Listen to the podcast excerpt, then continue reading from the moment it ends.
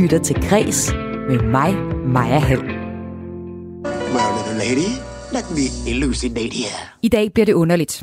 Om du er kattedame, kunstelsker eller bare typen, der slapper af med en god kattevideo på YouTube, så er det nu, du skal lytte efter. Everybody wants to be a cat because a cat's the only cat For i dag der leger kunsten vise os kattenes mange ansigter, når vi dykker ned i historiske og nutidige forståelser af katten som kæledyr, vilddyr, varsel, ven. Lukke. Hvad er det? Hvad har jeg? Ja, det er til dig. Skal du have den? Nu kom, hent den. eller fjende. Jeg lover, at det bliver overraskende, det bliver inspirerende, og så bliver det altså også lidt underligt. I programmet her, så kan du også høre om den aktuelle dokumentarfilm Kampen om Grønland. Selvfølgelig er det umuligt for os at tilpasse os den danske måde at leve på. Og det får mange til at føle, at de ikke er gode nok. Bibliotekspengene kommer en uge tidligere til de udsultede forfatter, men det hjælper ikke meget. Oh boy, fellas,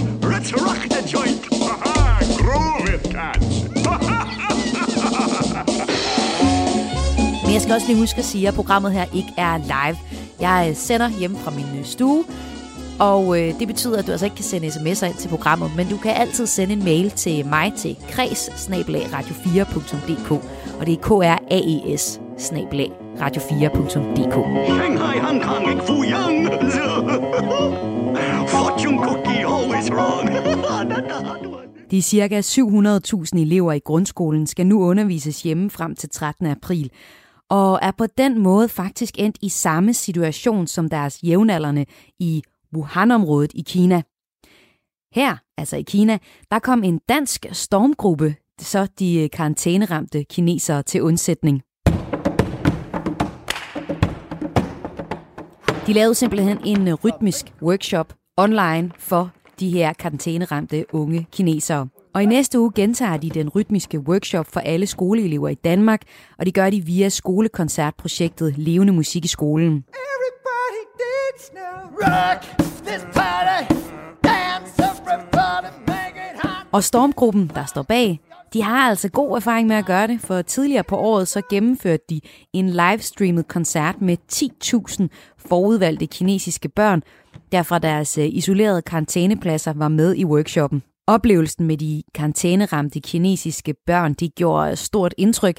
Det fortæller Nils Antonio Kløvedal, der er fra den her stormgruppe, som hedder Heartbeat Group. det var tydeligt at se, at, at de lyste op børnene. Altså stille og roligt, så begyndte de at smile. Altså de var virkelig blege, de her børn. Og, og det var jo sådan, vi havde sendt, øh, vi havde sendt nogle, en undervisningsvideo ud, som, øh, som de havde sat kinesiske undertekster på.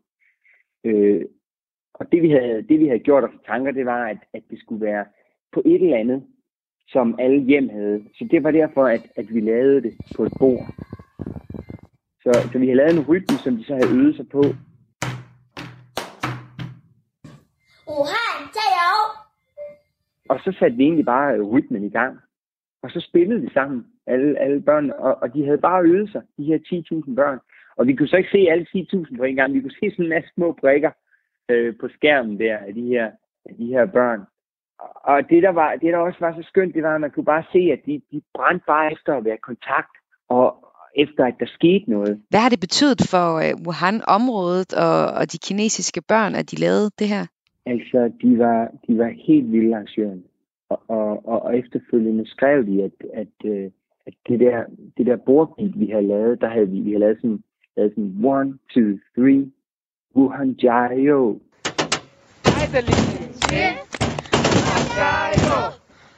Øh, som betyder, kom så Wuhan. Øh, som det havde vi indbygget i rytmen. At, at det var blevet sådan et, øh, et, et kampråb, som, man, som, som, som blev sendt ud på, på de sociale medier, som man så ikke bare børn, men også øh, en forretningsfolk og alt muligt øh, lave, lave det her bordstomrytme før, før deres møde. Så jeg ved ikke, om man kan sige, at en, en, en rytme går viralt. Niels, hvordan fik I ideen til at lave den her øh, performance sammen med de her 10.000 øh, kinesiske børn fra Wuhan-provinsen? Det starter med, det starter helt tilbage i efteråret, hvor vi, øh, vi har lavet en forestilling, som formidler bæredygtighed og skraldesortering i børnehøjde. Øh, og så blev vi set til en showcase af en øh, delegation fra Kina. Det var sådan, at, at vi kom i kontakt med Kina, og så har vi sådan lidt i dialog, og, og faktisk er der kommet 16 koncerter. Vi har, vi har sammenstykket en, en, en turné på 16 koncerter i Kina. Og så, så, så, kom, så kom coronaen. Jeg ved så ikke, så, så kom det bare op. Altså, så snakkede vi om, vi, vi, vi fik jo at vide, altså det, vi var jo i kontakt med, med Kina, altså, så, så, det, så, så spurgte vi jo, hvordan det gik dernede, og så, så hørte vi om alle de her børn, der har siddet i karantæne i, i næsten to måneder. Og så, så, kom, så lige pludselig gik det stærkt, og det, det tror jeg, det gør nogle gange i Kina.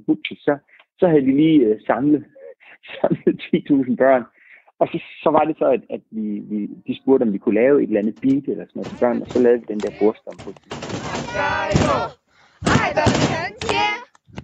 Fordi den tænkte vi, den havde alle, alle hjem kunne sætte et bord på benene.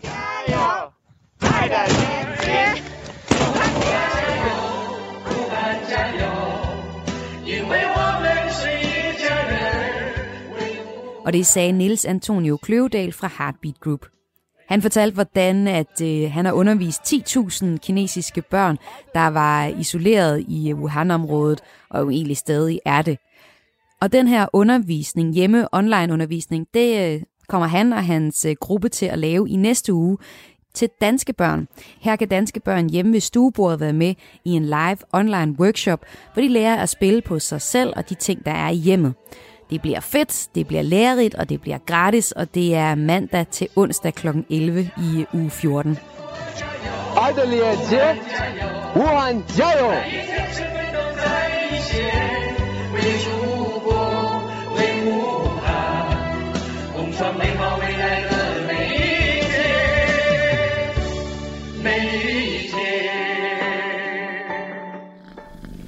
Jeg skylder kattene så forfærdeligt meget. I årtier har de været min inspirationskilde. Utallige er de malerier, hvor jeg har brugt dem som motiv. Så hver gang jeg åbner en dose kattemad, er det et lille afdrag på min gæld. Sådan sagde kunstneren Henry herop tilbage i 82. Hver dag i kreds, så ser jeg nærmere på en bestemt kunst- eller kulturoplevelse, som jeg diskuterer og perspektiverer. Og i dag så er det udstillingen Det var kattens på Heops Museum i Rødovre. Ja ja, altså jeg ved godt, at museet det i øjeblikket er lukket, men det skal absolut ikke afholde mig for at tale om katte. Jeg går nok hammerne allergisk over for dem, men det var jeg ikke, da jeg var lille, og der var jeg tosset med den, de kattedyr der. Du kender måske Henry Herup for hans stenskulpturer og skraldemodeller, eller for de farverige billeder, der med sådan helt enkelte øh, motiver fra hverdagen er blevet anerkendt af både kunstkritikere og også i den brede befolkning. Prøv for eksempel lige at google ham. Og nu har Heops Museum valgt at fokusere på et bestemt motiv i hans malerier, nemlig katten. Det er et billede, han bruger helt utrolig meget, og desuden et dyr, næsten alle af os faktisk har en eller anden mening til. Det forklarer museumsleder Annie Lave Nielsen. Hvis man nu stod inde på her museum, så ville man tænke, nå ja, det skal man jo, fordi det, de er i rigtig mange af hans billeder. Øh, og det kan man jo også se på nettet, hvis man, man kigger lidt på hans billeder der. Øh, så, så det er et motiv, at her gentager øh, mange gange i sine billeder, og det gør jeg også nysgerrig på museet. Hvad er det egentlig, han bruger den her kat til? Øhm, så, og så ved vi jo, at katte er, er noget, som vi alle sammen øh, har en mening om, og ofte ser og holder os til. Så den kombination øh, gør, at det bliver rigtig interessant at kigge, kigge nærmere på, hvad han, øh, hvordan kattene er i Hirps øh, kunst. Vil ikke gerne være kat? Fordi en kat går ud på sjov hver eneste nat. Nemlig når vi spiller, holder vi derfor aldrig op. For kattemusik er helt i top. Det er bare Men lad os dykke ned i hans måde at forholde sig til katten på, og du har jo udvalgt et bestemt maleri, som vi skal tale om. Hvad er det for et billede? Det er et, øh, et stort maleri faktisk uh, i forhold til Hirvs uh, billedverden. Ja, han kunne godt lide at male på genbrugsting, så ofte så er det sådan en, øh, en spejlramme eller en dør eller et eller andet. Men det her billede, det er altså forholdsvis stort. Det er over to meter langt og, og 21-30 stykker i bredden, og det er malet på masonit. Øh, det kunne her godt lide, den, øh, det der træmateriale, som har sådan lidt en ulden øh, bagside. Og det hedder katteangstbilledet. Og man skal forestille sig, at øh, midt på billedet, der har vi en kat, der hænger i kløerne eller i forpoterne i et vindue. Den prøver ligesom at komme ud, ser det ud til, men, men vinduet er lukket. Øhm, og her har han fortalt lidt øh, unikt, har vi her egen fortælling omkring billedet, hvor han siger, at, øh, at egentlig så er det en, en, en øh, helt hverdagslig øh, fortælling om, at katten øh, ofte kom ind i hans skur på Kampstrupvej i Rødovre, og så lagde de sig oven på tegningerne mellem øh, penslerne og sådan noget. Og så på et tidspunkt er der kommet gæster ind i skuret, og de skulle snakke med her, og måske skulle de købe noget. Og så katten vågnet, og så er den panikket, som man nu kan. Øh, og så er den hoppet op i vinduet, og der kunne den altså ikke komme ud. Øh, og til venstre for, for den her kat, der har vi en øh, tæppebanker. Og øh, især børnene vil måske have lidt svært at vide, hvad en tæppebanker er, men det er sådan et redskab, man bankede tæpper med, dengang her var ung og, og, og barn. Og øh, den, er, den er sådan formet med et håndtag, og så har den sådan nogle bløde, runde øh, mønstre for oven. Og det synes jeg lignede vikingeornamentik.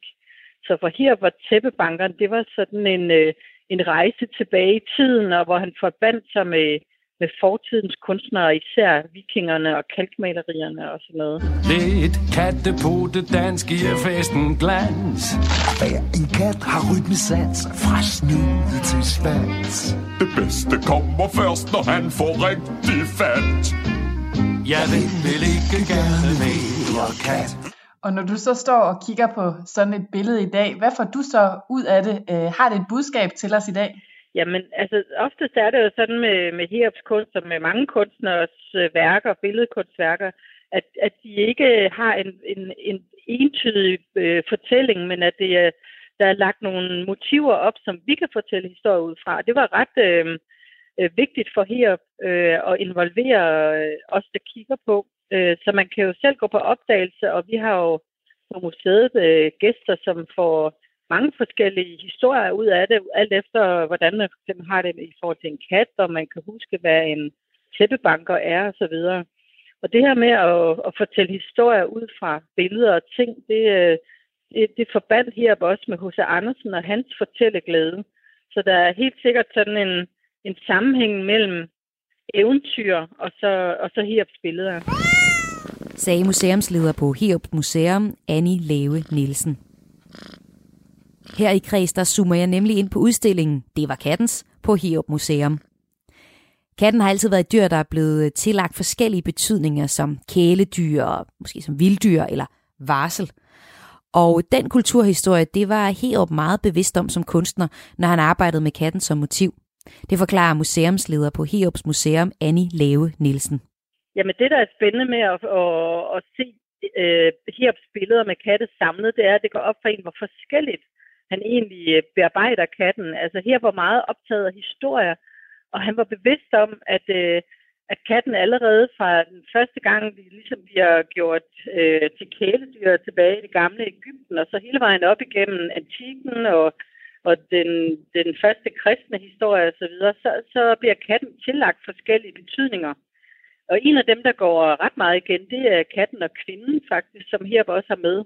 Øhm, Øh, her han var rigtig glad for, for kvindens former og så en sammenhæng mellem kvindens former og kattens former.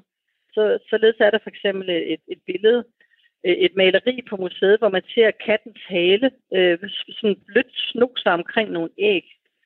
Øh, og der har man sådan en sammenhæng mellem øh, kvinden og det at føde børn og, og få unger og så videre, og så katten. Øh, der er også øh, billeder af katten som noget, vi skal passe på. Så det er også en del af Hirps øh, fortælling, at han viser katten ude i haven på Kampstrupvej i Rødovre, hvor han jo altid havde kattemad med ud og, øh, og fodret dem som en, en daglig ting, selvom de ikke var hvad kan man sige, hans katte. Det var ikke nogen, han havde købt, det var nogen, der rendte til og kom til øh, haven. Øhm, så det her med, at vi, øh, vi har et ansvar over for de katte, vi øh, fodrer på, og vi skal blive ved med det, og man kan måske finde en kat, der er kravlet for højt op i et træ, tror jeg også mange, der kender. Øh, og man må hjælpe det ned. Og alle sådan nogle hverdagssituationer er der også med i billederne. Og det var egentlig lidt sjovt, da du sådan tidligere beskrev det her billede katteangst, hvor katten den pludselig springer op og vil ud, så fik det mig sådan nærmest til at kunne se det som øh, en af de her sådan meget populære YouTube kattevideoer, som jo er virkelig, virkelig populære.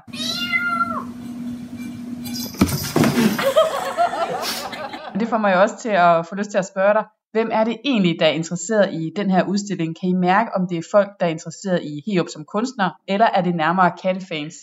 Jamen, det er både og. Altså, det er både øh, dem, som øh, kender Heop, og dem er der heldigvis mange af, som kommer ind for at se lige netop de her billeder, fordi de ikke har været vist på museet før. Mange er jo lånt ind for private.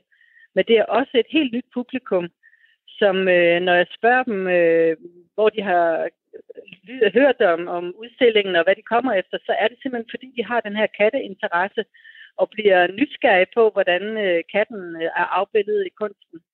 Så der er ingen tvivl om, at når vi laver sådan en udstilling, som, øh, som har sådan et, et, et, øh, et, et emne, som vi alle sammen kan forholde os til, så, øh, så kommer der heldigvis mange på museer og på kunstmuseet, som, som ikke øh, ellers ville være kommet.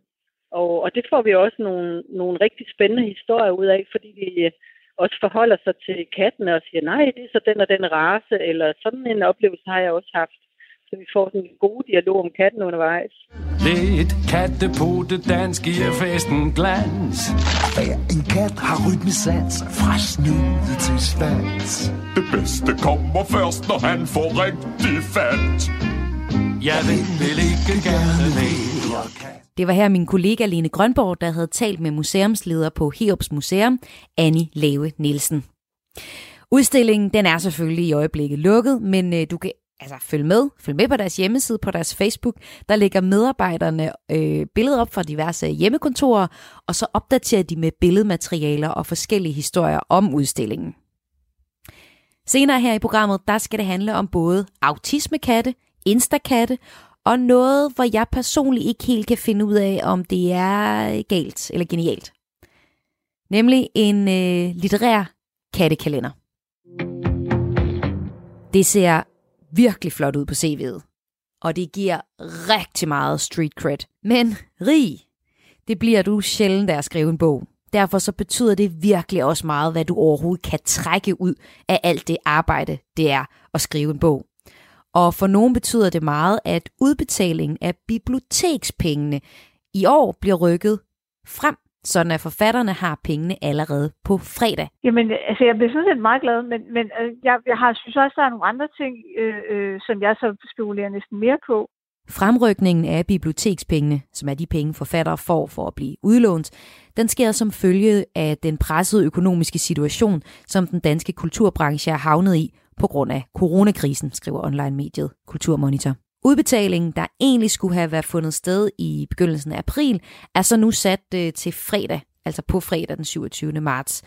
Og det betyder altså noget, at de rører ind på kontoen allerede fredag, mener forfatter Stephanie Caruana. Jamen, det synes jeg er dejligt, fordi det kommer jo før øh, man skal betale regning, og så, så ved man i hvert fald, at de kan blive betalt, øh, og så må man jo tage den derfra bagefter. Hvad betyder bibliotekspengene for dig? Jeg er jo glad for dem, fordi dels, dels er det jo en anerkendelse af, at, at øh, man har bøger, som bliver læst, og som stadigvæk står på bibliotekerne. Øh, og så er det bare et godt tilskud, når man, når man har så en opskiftelig økonomi, som man har. Hvordan er den økonomi, du har? Man kan godt kalde det et kludetæp. Øh, på den måde, at jeg er både freelance journalist og forfatter. Og det vil sige, at jeg, øh, jeg har sådan set kun det, jeg selv kan skrabe sammen af opgaver. Øh, så jeg bruger min tid på at pitche og skrive, Øh, og, og så, når jeg så får en ekstra opgave, jamen, så, så laver jeg den. Øh, men, men i den her tid, der har jeg, øh, der er jeg gået glip af en del opgaver, som ellers var i, kan man sige, var på plads. Og nu kommer de her bibliotekspenge så en uge tidligere, end de plejer. Det er jo ikke meget, det er jo bare en uge. Betyder det overhovedet noget? Ja, det synes jeg jo. Altså man kan sige, øh, øh, i hvert fald for mig, fordi jeg får, øh, øh, altså nu ved jeg selvfølgelig ikke, hvor meget for i år, men sidste år, der synes jeg, jeg fik øh, altså et ret godt tilskud. Det er klart, hvis man, øh, øh, og, og det er ikke for at, at disse dem på nogen måde, men det er klart, hvis man, hvis man ligger sådan i underkanten og lige akkurat kryber over bagatelgrænsen, så er det, så er det selvfølgelig nice, men, men måske ikke noget, der vipper helt af pinden. Men gør det nogen forskel, om pengene kommer på fredag eller om en uge? Ja, det gør det jo i forhold til, hvornår man skal betale regningerne. De, de bliver jo ikke skubbet huslejen og, og, og og de andre regninger, man har. Så Stephanie, hvad tænkte du dengang du øh, så, at øh, udbetaling af bibliotekspengene, de bliver rykket til på fredag? Jamen, altså jeg bliver sådan set meget glad, men, men øh, jeg, jeg har synes også, der er nogle andre ting, øh, øh, som jeg så spekulerer næsten mere på, i forhold til øh, de pakker, der er.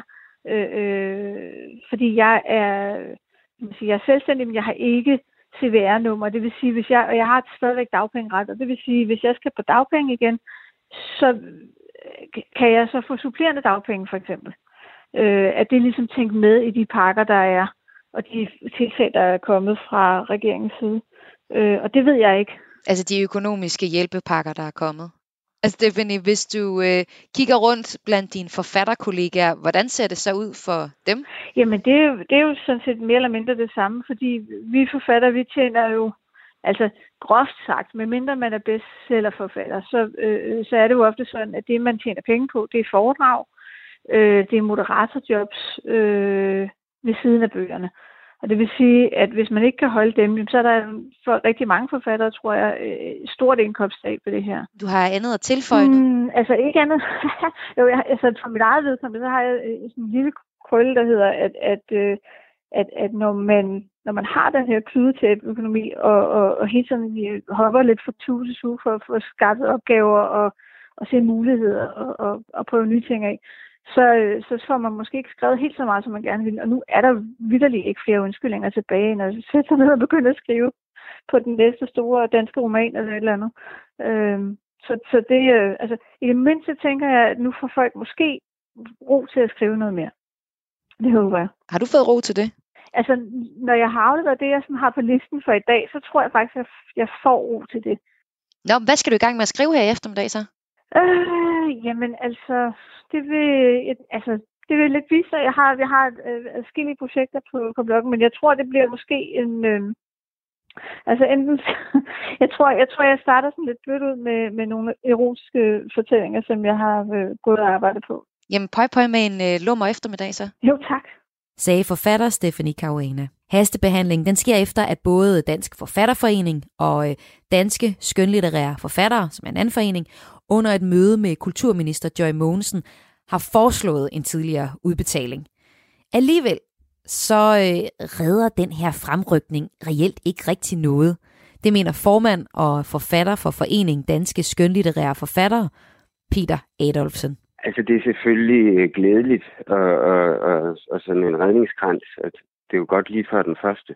Men det er jo stadigvæk, kan man sige, vores egne penge, der bare kommer til udbetaling en uge tidligere. Øhm, altså i den situation, de fleste danske forfattere står i lige nu med aflysning og, og sådan noget, og rigtig mange lever jo af, af sådan en økonomi, ikke? Øhm, hvor at det optræder en stor del af det øh, på alle mulige, og undervisning, det er også alt sammen væk. Men øhm, hvad hedder det, og mange falder ud af de der hjælpepakker fra regeringen, som ellers er rigtig gode og flotte og interessante, og også hjælper en stor del af mine medlemmer. Men er det egentlig ligegyldigt, at de her penge de bliver rykket tidligere frem til Nej, det er jo ikke ligegyldigt. Det der, det, vi, altså, vi er jo vant til, eller personligt har jeg 25 år ligesom levet fra, fra, fra, fra B-indtægt til B-indtægt.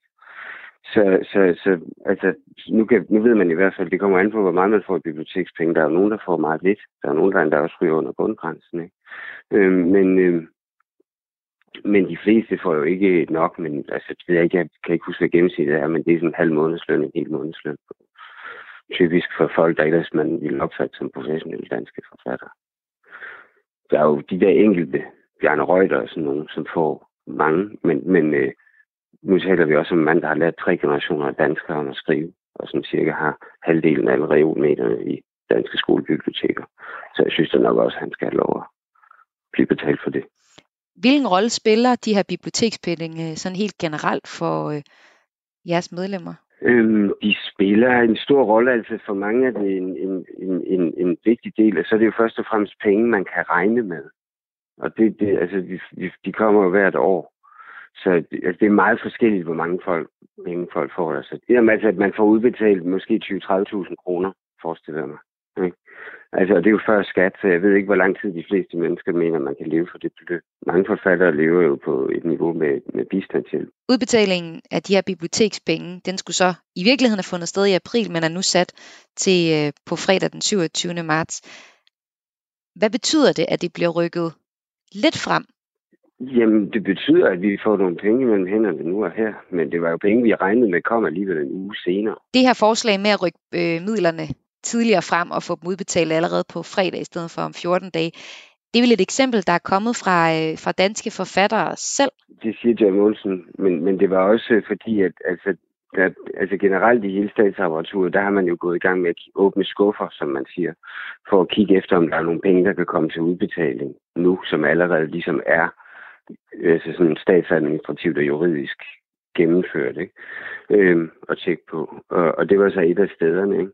Øhm, men altså for forfatterforeningerne, der, der er vores vigtigste ønsker lige nu, at, at Altså først sige tak for det med, at man har anerkendt freelancer som sådan en kategori på arbejdsmarkedet. Peter Adolfsen, du er øh, også selv forfatter. Hvad betyder det helt konkret for dig lige nu, at øh, alt er lukket ned, og foredrag og udgivelser er sat på øh, standby her i corona-lockdown? Ja, men det betyder faktisk, øh, at øh, altså, jeg udgav en bog her den 3. marts, og, og den første periode lige efter, det er jo der, hvor man typisk bliver booket til at komme ud til oplæsninger og foredrag og alt muligt, og skal ud og promovere. Så, så det har betydet en, en sådan konkret umiddelbart indtægtsnedgang i ting, der er blevet aflyst. Men først og fremmest i mit tilfælde, på grund af timingen, så er det ting, der ikke bliver arrangeret. Og det får jeg jo meget svært at dokumentere som en, et tab. Og det sagde altså forfatter og formand for Foreningen Danske Skønlitterære Forfattere, Peter Adolfsen. På finansloven for 2020 er der afsat 183 millioner kroner til bibliotekspenge for bøger. Her så går 6% til e-bøger og netlydsbøger.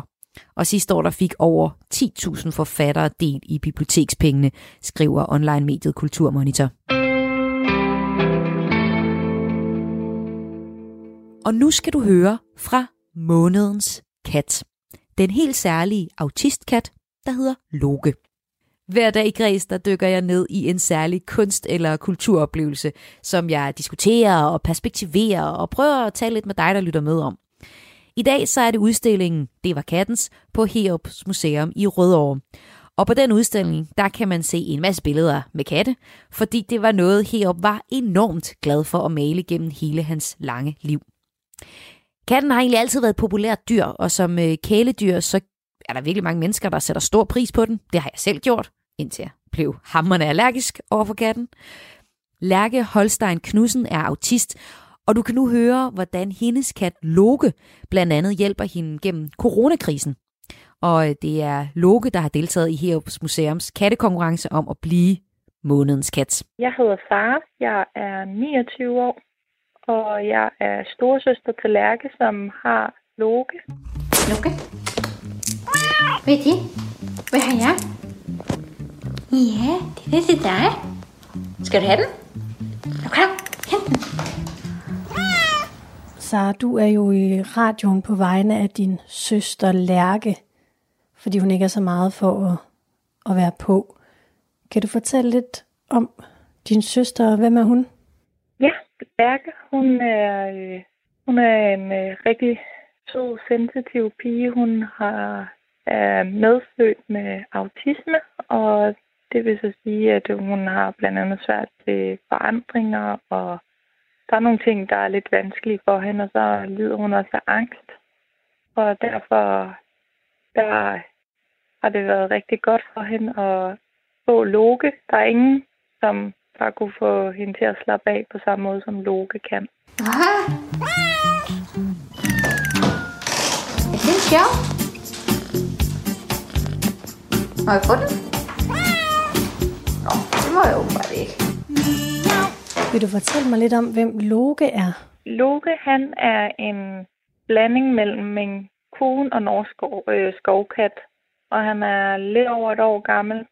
Han er sådan orange-rødlig og, og også hvide striber eller sådan hvide områder. Han er hvid på maven og også hvid om munden, og så har han gule øjne og han får bare alle til at smile, især min søster. Nå, hvor er det godt med noget at spise.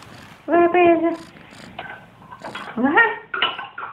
Han er bare noget for sig. Han er bare simpelthen så god. Han kunne sagtens have været en servicekat, hvis det var det. Han er, han er helt unik.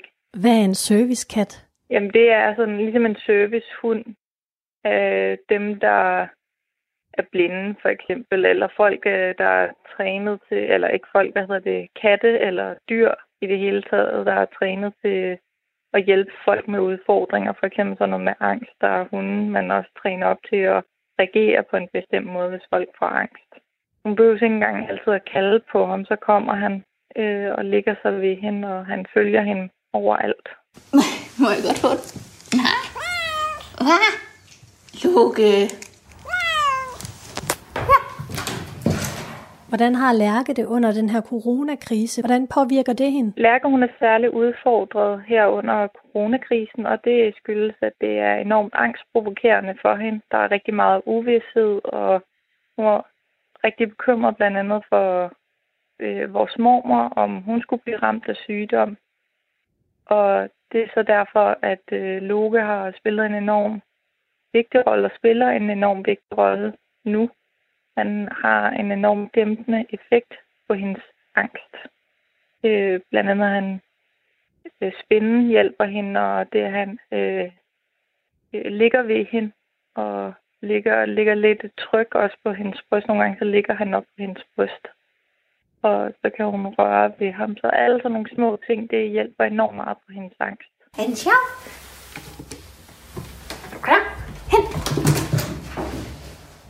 Åh, skøre dreng.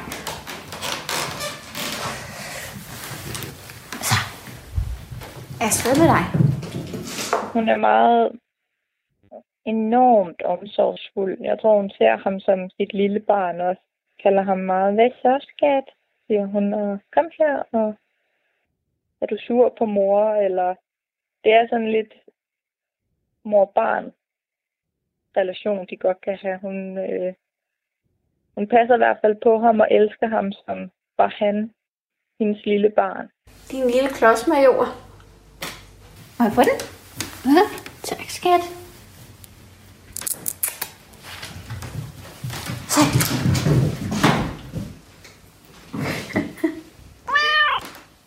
Wow.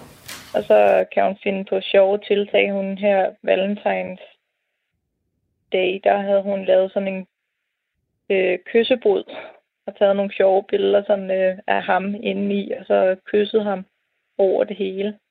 Hun har også lavet en Instagram-profil kun for ham, som også giver et godt indtryk af, hvem han er og hvilke forhold de har. Vil du fortælle, hvad det er for en konkurrence, I har deltaget i? Der har kørt den her konkurrence på Herups Museum, og hvor man kunne vinde fire fribilletter til deres udstilling, der kører lige nu. Øh, det var kattens, og den faldt Lærke så over, og hun ville jo rigtig gerne afsted, men også så Loke som en værdig kandidat. Og så spurgte hun mig, om jeg ikke ville nominere ham. Så det sagde jeg selvfølgelig ja til. Øh, og også fordi jeg selv tænker, at Loke vil være en værdig kandidat til at blive ugens museumkat. Er du blevet træt nu? Hvad? Er du blevet træt? Gider du ikke mere?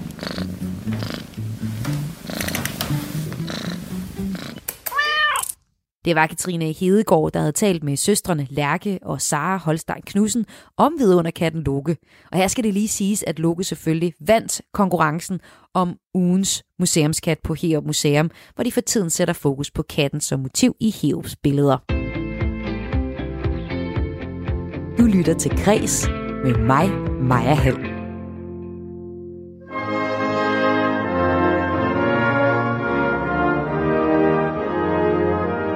Uafhængighed, retten til at føle stolthed over egen kultur, målet om et land, hvor hver femte barn ikke har været udsat for seksuelle overgreb, og hvor selvmord ikke er en udvej. Det er nogle af de emner, som dokumentarfilmen Kampen om Grønland kommer ind på. Mine børn skal vokse op i en land, hvor folket kender sig selv. De skal være stolt over, at de er grønlændere. Det er kampen om Grønland, vi skal tale om. Filmen er ugens kreds, og øh, den har du, Christoffer Tarp, som øh, lytter, sagt ja til at anmelde. Mm. Du øh, har siden øh, november boet i Grønland, øh, Grønlands hovedstad Nuuk, hvor du arbejder på Landsbiblioteket. Prøv lige først at fortælle, hvordan er situationen op hos jer lige nu her under øh, coronakrisen? Jamen, øh, i virkeligheden så er situationen meget, som den er øh, i øh, Danmark, Øh, altså man kan sige, heroppe, der er det, der er det mest også lukket ned. Altså skoler og arbejdspladser er lukket ned. Øh, man ser ikke så mange mennesker på gaden. Øh, man ser dem, hvis man går ned i brusen, og man ser dem, hvis man går tur på hotellet, hvis man er meget heldig. Øhm, og ellers så ligger der selvfølgelig en masse sne. Altså jeg har jo sådan en idé om, at Grønland i forvejen er et ret stille sted at være. Er der blevet endnu mere stille nu? Ja, det, det tror jeg godt, at man kan sige. Og jeg tror i hvert fald også måske, det er den følelse, jeg går med personligt. Ikke? Og Christoffer Tab, du er så øh, ugens lytteranmelder i øh, ugens kreds, og i den her uge så er det kampen om Grønland, som er ugens kreds, en film, hvor øh, vi følger den unge generation af grønlændere, som er delt, kan man sige, af spørgsmålet om uafhængighed. Men lad mig lige høre, synes du, at, at, at den her film, eller dokumentar, Kampen om Grønland, beskriver et realistisk billede af Grønland, som du ser det? Ja, altså, øh, først så skal jeg selvfølgelig skynde mig at sige, som du også siger i indledningen, at jeg kun har været her siden november. Øh, men altså, fra der hvor jeg står, så synes jeg, at, at de holdninger, som filmen øh, fortæller, øh, er et meget godt billede på de positioner, som er heroppe. Øh, altså, øh, og at, at man kan sige, at i, i centrum for den øh, uafhængighedskamp står sproget også. Altså, øh, fordi at, at, at øh, altså, sproget er en meget vigtig identitetsmarkør. Øhm, men jeg synes, at den måde, filmen arbejder med de holdninger på, er nye, øh, og, og tilfører også noget øh, til den øh, uafhængighedsdebat øh, eller samtale, som, som måtte være heroppe. Ja, og lad os lige øh, parkere det med sproget, for det vil jeg godt tale mere med dig om. Men, men det her med, at Øh, at filmen handler om uafhængigheden, og det er meget det, der deler øh, de øh, personer, som bliver interviewet. Der er en, der er meget for afhængighed, og der er øh, en øh, politiker, som er, er mere bekymret for det. Altså er det noget, man, man taler meget om i øh, Grønland? Mm, nej, altså det er ikke noget, jeg støder på i, i mit arbejde. Øh, altså det er mere sådan de, øh, hvad hedder det, afledte effekter af samtalen omkring uafhængighed. Øh, nu ved jeg godt, du sagde, at vi skulle snakke om sprog senere, men det er for eksempel en af de markører, hvor jeg synes, at det bliver tydeligt. Men så lad os bare kigge på det her med sproget, fordi øh, som dansker, når jeg ser øh, dokumentaren Kampen om Grønland, så er det svært ikke at bide særligt mærke i, at der er en chikane i øh, forhold til politikeren Tilly, som vi møder, som bliver udsat for at øh, en chikane om, at hun, hun taler dansk og ikke grønlandsk. Jeg synes ikke, man skal tale dansk fra talerstolen, altså landstinget. Fordi vi er i Grønland. Der skal være plads til os alle i Grønland. Jeg ser der stor risiko for splittelse i rigsfællesskabet i stedet for samarbejde, som vi har behov for. Hvordan spiller det ind, og hvordan oplever du det her øh, sprog, Grønland og, og dansk? I dag er det jo sådan, at grønlandsk er første sprog, øh, og altså, i, i mit arbejde øh, skal alting oversættes enten fra det ene til det andet. Øh, men vigtigst det, så er det selvfølgelig, at man skriver alting på grønlandsk først. Altså er det noget, du bliver øh, chikaneret omkring, at du taler dansk og ikke grønlandsk?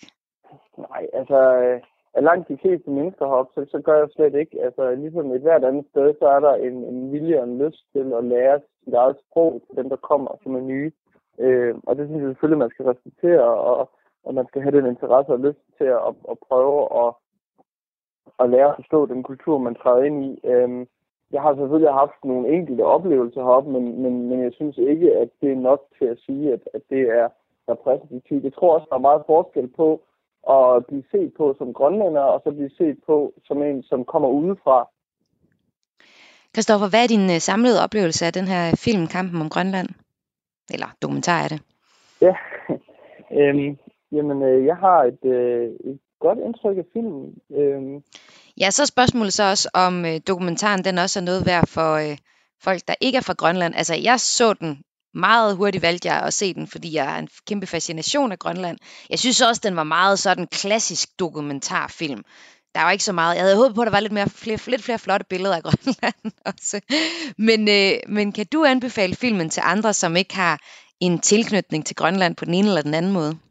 Ja, det, det kan jeg faktisk godt. Øh, jeg synes, at, at man i den her dokumentarfilm får muligheden for at se sig selv lidt udefra. Fordi mange af de problematikker, der er heroppe, det er faktisk de samme problematikker, vi har i Danmark. Det er bare øh, med et andet fortegn. Altså det er det er problematikken land over for by, øh, det er sprogdebatten, det er øh, generationsdebatten, altså den yngre generation over for den ældre generation, det er identitetsspørgsmålet over for nationalitetsspørgsmålet, og det er spørgsmål omkring etnicitet. Øhm, og, og det er jo helt de samme problematikker, vi arbejder med i Danmark, men her kan vi få lov til at se, hvordan et andet land arbejder med den. Øh, det, det, det synes jeg, der er personligt ret spændende. Sagde her Christoffer Tarp, der er teamleder på Grønlands Landsbibliotek og altså i den her uge anmelder af ugens kreds.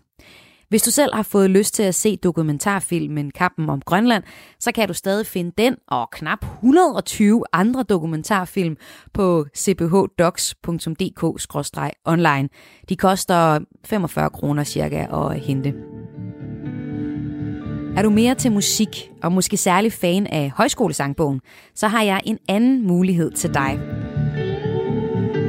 Der er et yndigt land. Denne uges kreds, altså den kulturbegivenhed, som jeg giver dig, der lytter med, mulighed for at opleve, det er nemlig teaterforestillingen Højskolesangbogen. Østerstrand. Det kongelige teater er lukket ned, men har så samtidig åbnet for muligheden for at streame udvalgte forestillinger, og en af dem er altså Højskolesangbogen. Den er blevet gjort tilgængelig, fordi at det kongelige teater mener, at den er særlig relevant lige nu. Teaterforestillingen Højskolesangbogen, den er nemlig sådan en, en hyldest til, hvordan vi både kan fejre de gode tider, men også hvordan vi kan stå sammen i de svære tider.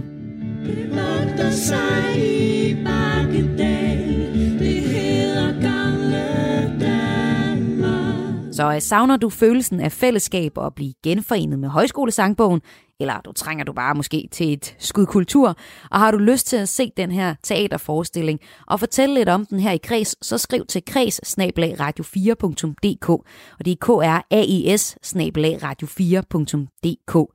Og jeg kunne virkelig godt tænke mig at høre, om det overhovedet kan måle sig med at gå rigtig i teateret og se en teaterforestilling online.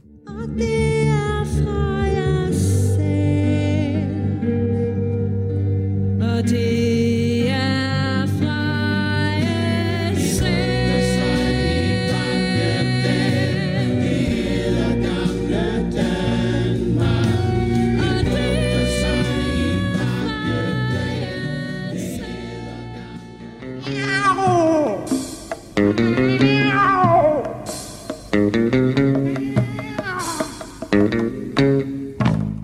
Nu skal det igen handle om katte, fordi dagens værk i kreds af udstillingen, det var kattens på Heop Museum, og den ser jeg altså nærmere på i dagens program. I kulturen så har katten nemlig alle dage været et stærkt symbol, der både er dragende, mystisk eller ligefrem magisk. Tænk bare på filurkatten i Alice Eventyrland, Murakamis talende katte i Kafka på stranden, eller Andrew Lloyd Webers succesmusical Cats. Hvis du synes, det er lidt underligt med en hel udstilling om katte i øh, Heops malerier, eller det er en anelse vild med en privat Instagram-profil om en kat, ja, det er der nogle af mine venner, der har, ja, og så kan du også sige, det er lidt underligt, jeg har lavet et helt program om katte, men så kan jeg kun sige, at du ikke har hørt det mærkeligste endnu. Fordi nu skal det nemlig handle om den øh, såkaldte litterære kattekalender, som forlaget Vandkunsten har udgivet fire år i træk og de er meget seriøse om den her kattekalender. Årsagen til at lave en kattekalender, den var simpelthen bare, at øh, der var ikke nogen kattekalender i Danmark. Og det var grund nok til at lave den, forklarer redaktør på kattekalenderen, Sofie Edel Seitsberg. Alle civiliserede lande, kan man sige, har jo en, øh, en eller flere litterære kalendere. Øhm, og før vi lavede den litterære kattekalender, så havde Danmark ikke nogen. Øhm, og det skulle vi selvfølgelig have. Så det er jo i hvert fald en grund til at lave den. Øhm, det direkte forlæg eller inspirationen, den kommer egentlig fra Tyskland, øhm, hvor de har, der er et forlag, Schöfing og Co., tror jeg det hedder, der udgiver de litterære Katzenkalender. Øhm, og den sælger 100.000 eksemplarer i Tyskland. Så det er selvfølgelig også en, en inspiration, også salgsmæssigt, øh, selvom vi nok ikke når det op det er sådan set derfor, altså fordi det er sjovt at lave. Og I bruger jo de her mange forskellige citater om katte fra bøger i kalenderen. Men kan man sige sådan noget generelt om, hvilken rolle katten typisk har i litteraturen? Ofte så fungerer katten nok som en form for spejl og en eller anden projektionsflade også. øh, for os mennesker. Øh, netop fordi der, der ikke nødvendigvis kommer så meget fra den selv, altså det der med dens mystiskhed. Øh, og så kan man ligesom projicere en, en hel masse træk over på katten, og derefter spejle sig i dem. Øh, og det giver jo for eksempel det her med, der er typisk en, en lidt magisk kat, eller en okult kat, en dæmonisk kat. Vi kender den fra altså faste lavnskatten, eller øh, fra Bulgakovs mesteren og Margarita, som jo har en, en dæmonkat. Det, det er en form for kat, ikke? Så samtidig så har den jo også en mere, den kan have en mere teknisk funktion, øh, som, som en, der ligesom kan bryde rummet. Det kan være et øget landskab, eller det kan være, at katten kommer ind i et rum med sit katteblik, som, som adskiller sig fra mennesket, måske også ved at være lidt mere distanceret. Ja, og du har jo udvalgt et par citater og billeder fra den her kalender, som du vil fortælle om, så vi lige kan få en fornemmelse af kalenderen. Så skal vi høre, hvad dit første eksempel er? Og det første citat, jeg har med, det synes jeg lidt er det her sådan, katten som et spejl for mennesket, øh, hvor nu er det et meget mørkt og melankolsk citat, og der tilfører katten på en eller anden måde en form for værdighed til det, synes jeg. Det er fra 2018-kalenderen, februar måned, og det stammer fra Hertha Müller, øh, et essay, der hedder Ved vandpyttens rand springer alle katte forskelligt.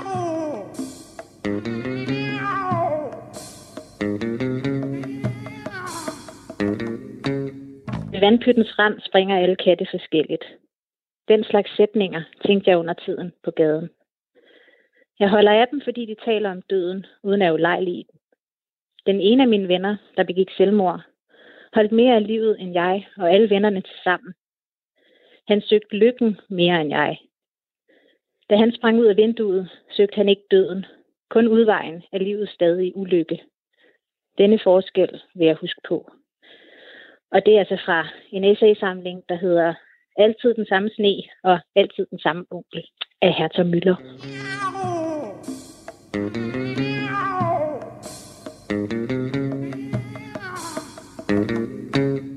Som sagt, alle billederne er sort-hvid. Øhm, og det her, det er så en, også en sort-hvid kat, der står oven på nogle sten. Der er noget vinterskov i baggrunden med birketræer. Men det, der virkelig sådan fanger blikket her, det er, at man på en bygning ved siden af, kan man se kattens hoved øh, som en skygge i silhuet. Øh, altså kattens hoved som silhuet i en skygge. Øh, og så har den et meget intenst blik. Og hvad tænker du, at jeg skal få ud af det, hvis jeg har det her billede eller citat hængende hjemme på min væg? Øh, altså, du har jo en hel måned, kan man sige, til at kigge på citatet og kigge på katten. Som udgangspunkt, så, øh, så tænker vi, at, at billedet og citatet er to forskellige entiteter, altså øh, som skal fungere æstetisk hver for sig. Altså fotografiet skal fungere, skal være smukt, øh, og det skal være interessant, øh, og der skal ske noget på en eller anden måde, øh, som man kan holde ud at se på i en måned. Og det samme med, med litteraturcitatet. Det, er ikke, det skal jo ikke være ligesom en køleskabsmagnet med en lille aforisme, som man, som man ikke kan få meget mere ud af, når man først har læst det en gang. Øh, her er det jo tanken, at man selv lidt går og pusler med at, at få det til at spille sammen. Du lytter til Græs her på Radio 4, og i dag så taler vi om katte i kunsten, og den både sjove og skæve idé med at udgive en litterær kattekalender. Forlaget Vandkunsten tager opgaven meget seriøst, det er dem, der udgiver den her kattekalender, og der er faktisk, tro det eller ej, en del arbejde med at udvælge citater og billeder til kalenderen. Det fortæller redaktør Sofie Edel Seitzberg. Altså man kan sige, citaterne, dem, dem går vi jo og pusler lidt med i løbet af året. Øh, både også på forlaget, øh, inde på vandkunsten, men også vandkunstens venner, kan man sige. Vi opfordrer jo hinanden og vores venner til, at hver gang de støder på en kat i skønlitteraturen, så lige lave en lille note og sende det til os. Fotografierne, dem, øh, dem får vi sådan set fra folk, der sender billeder af deres katte.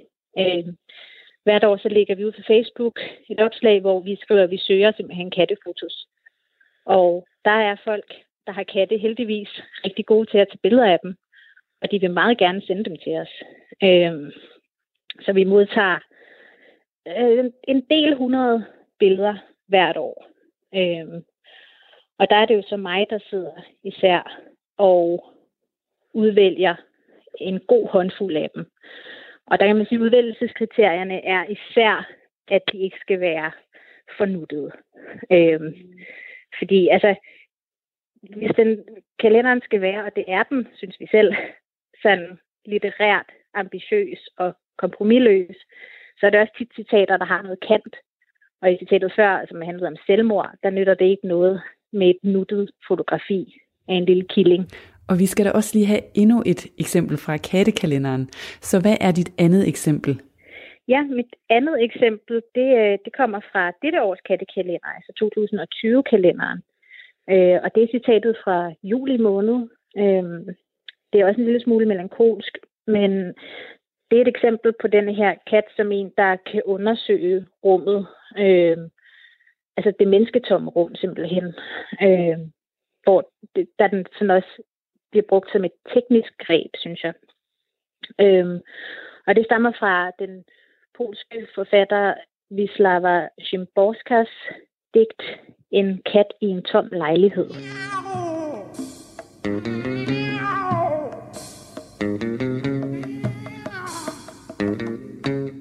At dø, det gør man ikke mod en kat.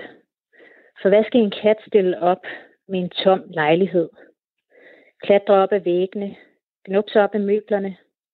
Tilsyneladende har intet ændret sig her, men alligevel har det forandret sig. Tilsyneladende er intet blevet rørt, men alligevel har noget skiftet plads.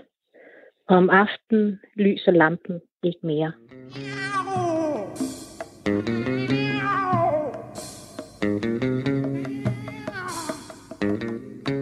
Det billede, der er valgt til det her citat, øh, det er et billede af en kat, mørk kat på en lys baggrund, altså der går på en lys baggrund.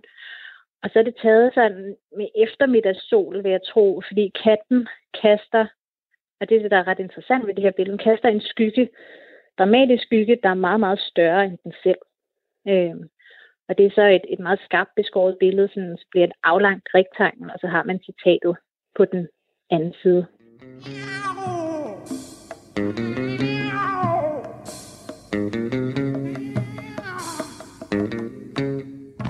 Altså, jeg vil tro, folk, der interesserer sig for katte og godt kan lide katte, de er nok villige købere, velvillige købere af øh, en kattekalender. De ligger jo så vægt på katteelementet. Men egentlig er det jo først og fremmest en litterær kalender med en høj, forsøger vi i hvert fald på en høj litterær kvalitet. Så vores målgruppe er i høj grad dem, der læser skønlitteratur. Og man behøver jo ikke kunne lide katte. Altså, katten er jo visuelt et smukt og elegant dyr. Og det er sådan set det, vi bruger den til i forhold til fotografierne. Sagde Sofie Edel Seidsberg fra forlaget Vandkunsten og redaktør på Den Litterære Kattekalender til min kollega Lene Grønborg. Og hvis du synes, det måske slet ikke er så skørt med den litterære kattekalender, jamen øh, så kan du bestille den her kalender online gennem forlaget Vandkunsten. Jeg ved ikke lige, om jeg skal have en hel kalender med katte, også selvom at de er ikke så nuttede. Men øh, jeg kan godt komme i tanker om et par stykker i min omgangskreds, der... Øh, ja, jeg tror godt, jeg ved, hvad de skal have i fødselsdagsgave. Well, little lady, let me elucidate here. Everybody wants to be a cat a cat's the only cat who knows where it's at. Tell me everybody's picking up on that feline beat. Cause everything else is obsolete. Strictly high button shoes. A square with a horn makes Du har lyttet til Kreds her på Radio 4. Programmet her, det er tilbage på torsdag. Indtil da, så kan du finde det her program og tidligere programmer som podcast. For eksempel der, hvor du plejer at finde podcast, eller på vores hjemmeside, og det er radio4.dk. Så søger du bare på Kreds, så kommer programmet frem. Har du spørgsmål, idéer eller kommentarer til programmet, så er du altid velkommen til at sende en mail til kreds radio4.dk, og det er kraes radio4.dk.